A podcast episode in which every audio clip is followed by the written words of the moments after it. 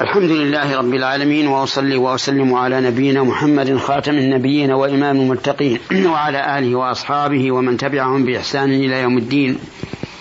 أما بعد أيها المستمعون الكرام انتهينا في الحلقة السابقة إلى قوله تعالى الذين يقولون ربنا إننا آمنا فاغفر لنا ذنوبنا وقنا عذاب النار.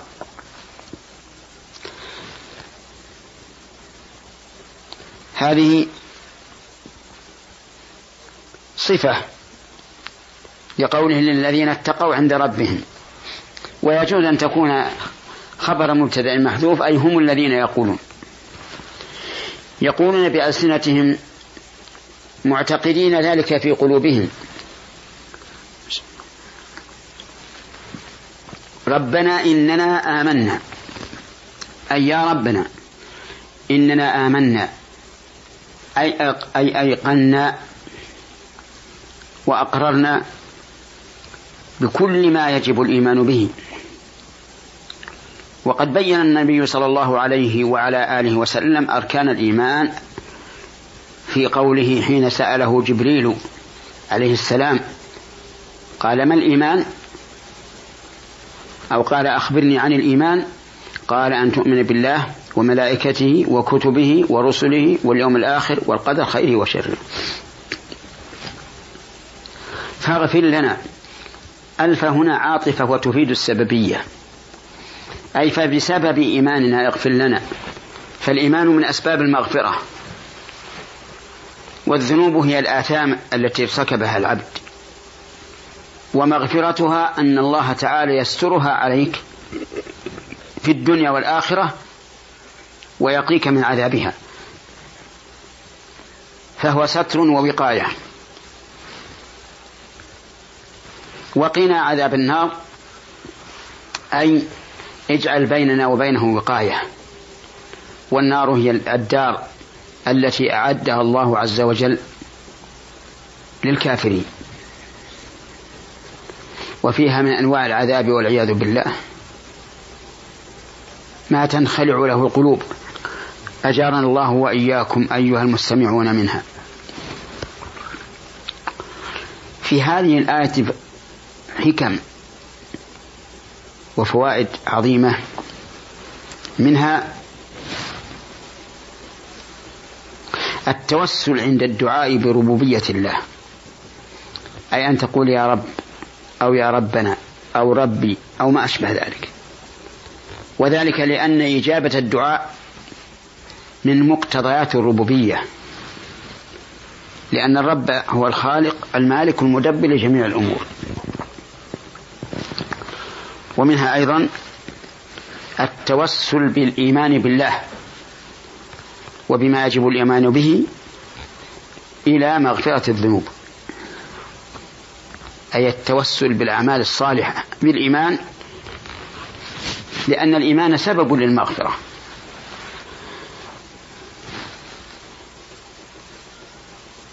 وهل هناك توسل بغير الإيمان بالله؟ الجواب نعم.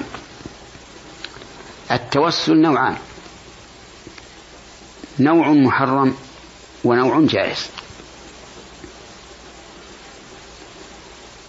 فالنوع المحرم أن يتوسل الإنسان إلى الله تعالى بمعبوداته التي يعبدها من دون الله عز وجل. وهذا شرك لأنهم صرفوا العبادة لغير الله عز وجل. وصرف العبادة لغير الله شرك أكبر مخرج عن الملة. قال الله تبارك وتعالى والذين اتخذوا من دونه أولياء ما نعبدهم إلا ليقربونا إلى الله زلفى. أي يقولون ما نعبدهم إلا ليقربونا إلى الله زلفى. والحقيقة أنها لن تقربهم إلى الله بل تبعدهم من الله عز وجل لأنهم مشركون. ومن التوسل المحرم أن يتوسل الإنسان بالنبي صلى الله عليه وعلى آله وسلم أي بذاته. وذلك لأن التوسل بذاته لا يفيد شيئا. إذ أن ذات النبي صلى الله عليه وسلم وإن كانت في أعلى منزلة من منازل البشر لكنها لا تفيد إلا النبي صلى الله عليه وعلى آله وسلم. ولا تنفع أحدا يتوسل بها وإلا لتوسل بها أقرب الناس إليه من الكفار. ويدلك على أن الذات ذات النبي صلى الله عليه وعلى آله وسلم لا يتوسل بها ولا تنفع عند الله أن النبي صلى الله عليه وعلى آله وسلم طلب من ربه جل وعلا أن يستغفر لأمه فلم يذل له وطلب منه أن يزور قبرها فأذن له. ويدل لذلك أيضا أن الصحابة لم يكونوا يتوسلون بذات النبي صلى الله عليه وعلى آله وسلم. ما منهم أحد قال اللهم أني أسألك بنبيك أن تغفر لي. أبدا. لا في حياته ولا في مماته. وأما حديث الأعمى الذي جاء يطلب من النبي صلى الله عليه وعلى آله وسلم أن يرد عليه بصره فأمره أن يتوضأ ويصلي ركعتين ويقول اللهم إني أسألك بنبيك نبي الرحمة إلى آخره. فهذا إن صح الحديث فله وجهان. الوجه الأول أسألك بنبيك أي بإيماني به وتصديقي إياه واتخاذ إياه أسوة حسنة. هذا واحد.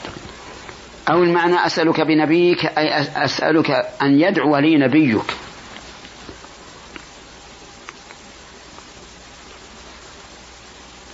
والتوسل بدعاء النبي أي أن تطلب من النبي صلى الله عليه وعلى آله وسلم أن يدعو لك. هذا أمر جائز. ورد عموما وخصوصا. أما وروده عموما فإن رجلا دخل يوم الجمعة والنبي صلى الله عليه وعلى آله وسلم يخطب وقال يا رسول الله هلكت الأموال وانقطعت السبل فادعو الله يغيثنا. فرفع يديه صلى الله عليه وعلى آله وسلم ورفع الناس أيديهم وقال اللهم أغثنا اللهم أغثنا اللهم أغثنا فما نزل من المنبر إلا والمطر يتحادر من لحيته وبقي المطر أسبوعا كاملا وفي الجمعة الأخرى دخل رجل أو الرجل الأول وقال يا رسول الله غرق المال وتهدم البناء فادعو الله يمسكها عنا فرفع يديه وقال اللهم حوالينا ولا علينا اللهم على الآكام والضراب وبطون الأودية ومنابت الشجر. فانفرجت عن المدينة وصارت وصار المطر حولها.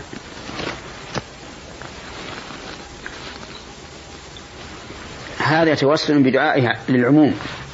أما للخصوص فإن النبي صلى الله عليه وعلى آله وسلم رأى أمته وفيهم سبعون ألفا يدخلون الجنة بلا حساب ولا عذاب. وهم الذين لا يسترقون ولا يكتوون ولا يتطيرون وعلى ربهم يتوكلون. فقام عكاش بن محصن فقال يا رسول الله ادعو الله أن يجعلني منهم فقال أنت منهم. وله أمثال. إذا فقوله أسألك بنبيك نبي الرحمة له وجهان لا غير. إما أن المعنى أسألك بالإيمان به فيكون هذا من التوسل بالإيمان كما في هذه الآية وإما أتوسل إليك بدعائه أي أن يدعو لي والتوسل بدعائه جائز. لكن هذا الأخير في, في حياته فقط. أما بعد مماته فإنه لا يجوز أن يتوسل الإنسان إلى إلى الله بدعاء الرسول لأن الرسول صلى الله عليه وسلم قد انقطع عمله.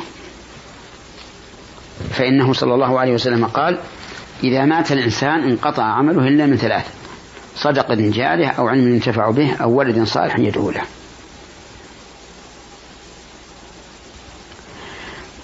وأما ما ورد في قصة العتبي فإنه لا صحة له. سنده غير صحيح. ولا يعتمد عليه. وأما الاستدلال بقوله تعالى ولو أنهم إذ ظلموا أنفسهم جاءوك فاستغفروا الله واستغفر لهم الرسول لوجدوا الله توابا رحيما. فلا دلالة فيها أصلا. لأن قوله إذ للماضي وليست للمستقبل.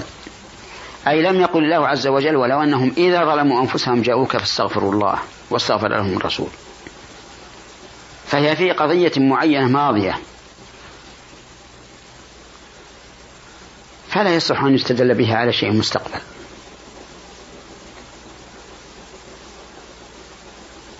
ويدل لهذا أيضا أن الصحابة رضي الله عنهم وهم أعلم الناس بأحوال الرسول عليه الصلاة والسلام وأعلم الناس بشريعة الله وأتقى الناس وأشدهم حبا لرسول الله صلى الله عليه وسلم. لم يكونوا يسألونه أن يستغفر لهم إذا أذنبوا. بل إنه لما حصل الجد في عهد أمير المؤمنين عمر بن الخطاب رضي الله عنه واستسقى قال اللهم إنا نتوسل إليك بنبينا فتسقينا. وإننا نتوسل إليك بعم نبينا. قم يا عباس فادعو الله.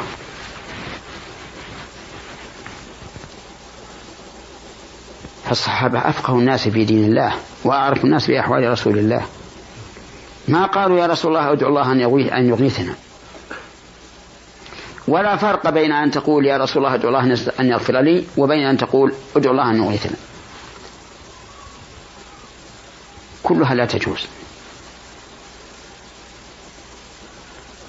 وبهذا بطل استدلال من يقول إن التوسل بذات النبي صلى الله عليه وعلى آله وسلم المجردة جائز. وأقول لإخواني بارك الله فيكم لماذا تصرون على هذه المسألة الخلافية التي الراجح فيها عدم الجواز؟ وتدعون ما هو مشروع وجائز ولا لبس به ولا اشتباه. ما دمتم تريدون أن الله عز وجل يستجيب لكم. فتوسلوا بشيء لا شبهة فيه. توسلوا بأي نوع من أنواع الطرق المباحة. واسلموا من من البلاء. مثل ذلك أيضا التوسل بجاه النبي صلى الله عليه وعلى آله وسلم. ولا شك أن النبي صلى الله عليه وعلى آله وسلم أعظم البشر جاها عند الله. ولكن من الذي يستفيد بجاهه؟ إلا, إلا, إلا الرسول عليه الصلاة والسلام. فليس جاهه من أعمالنا حتى نستفيد بها. حتى نستفيد به. بل هو منزلة عند الله عز وجل. والله تعالى قد وجهه فكان يجيب دعاءه في حياته وكان هو صاحب المقام المحمود يوم القيامة ولا إشكال في هذا. بدأنا بذكر التوسل الممنوع بذكر أدلته التي أسأل الله تعالى أن يفتح بها قلوبا غلفا. ويسمع بها آذانا صما ويبصر بها أعين عميا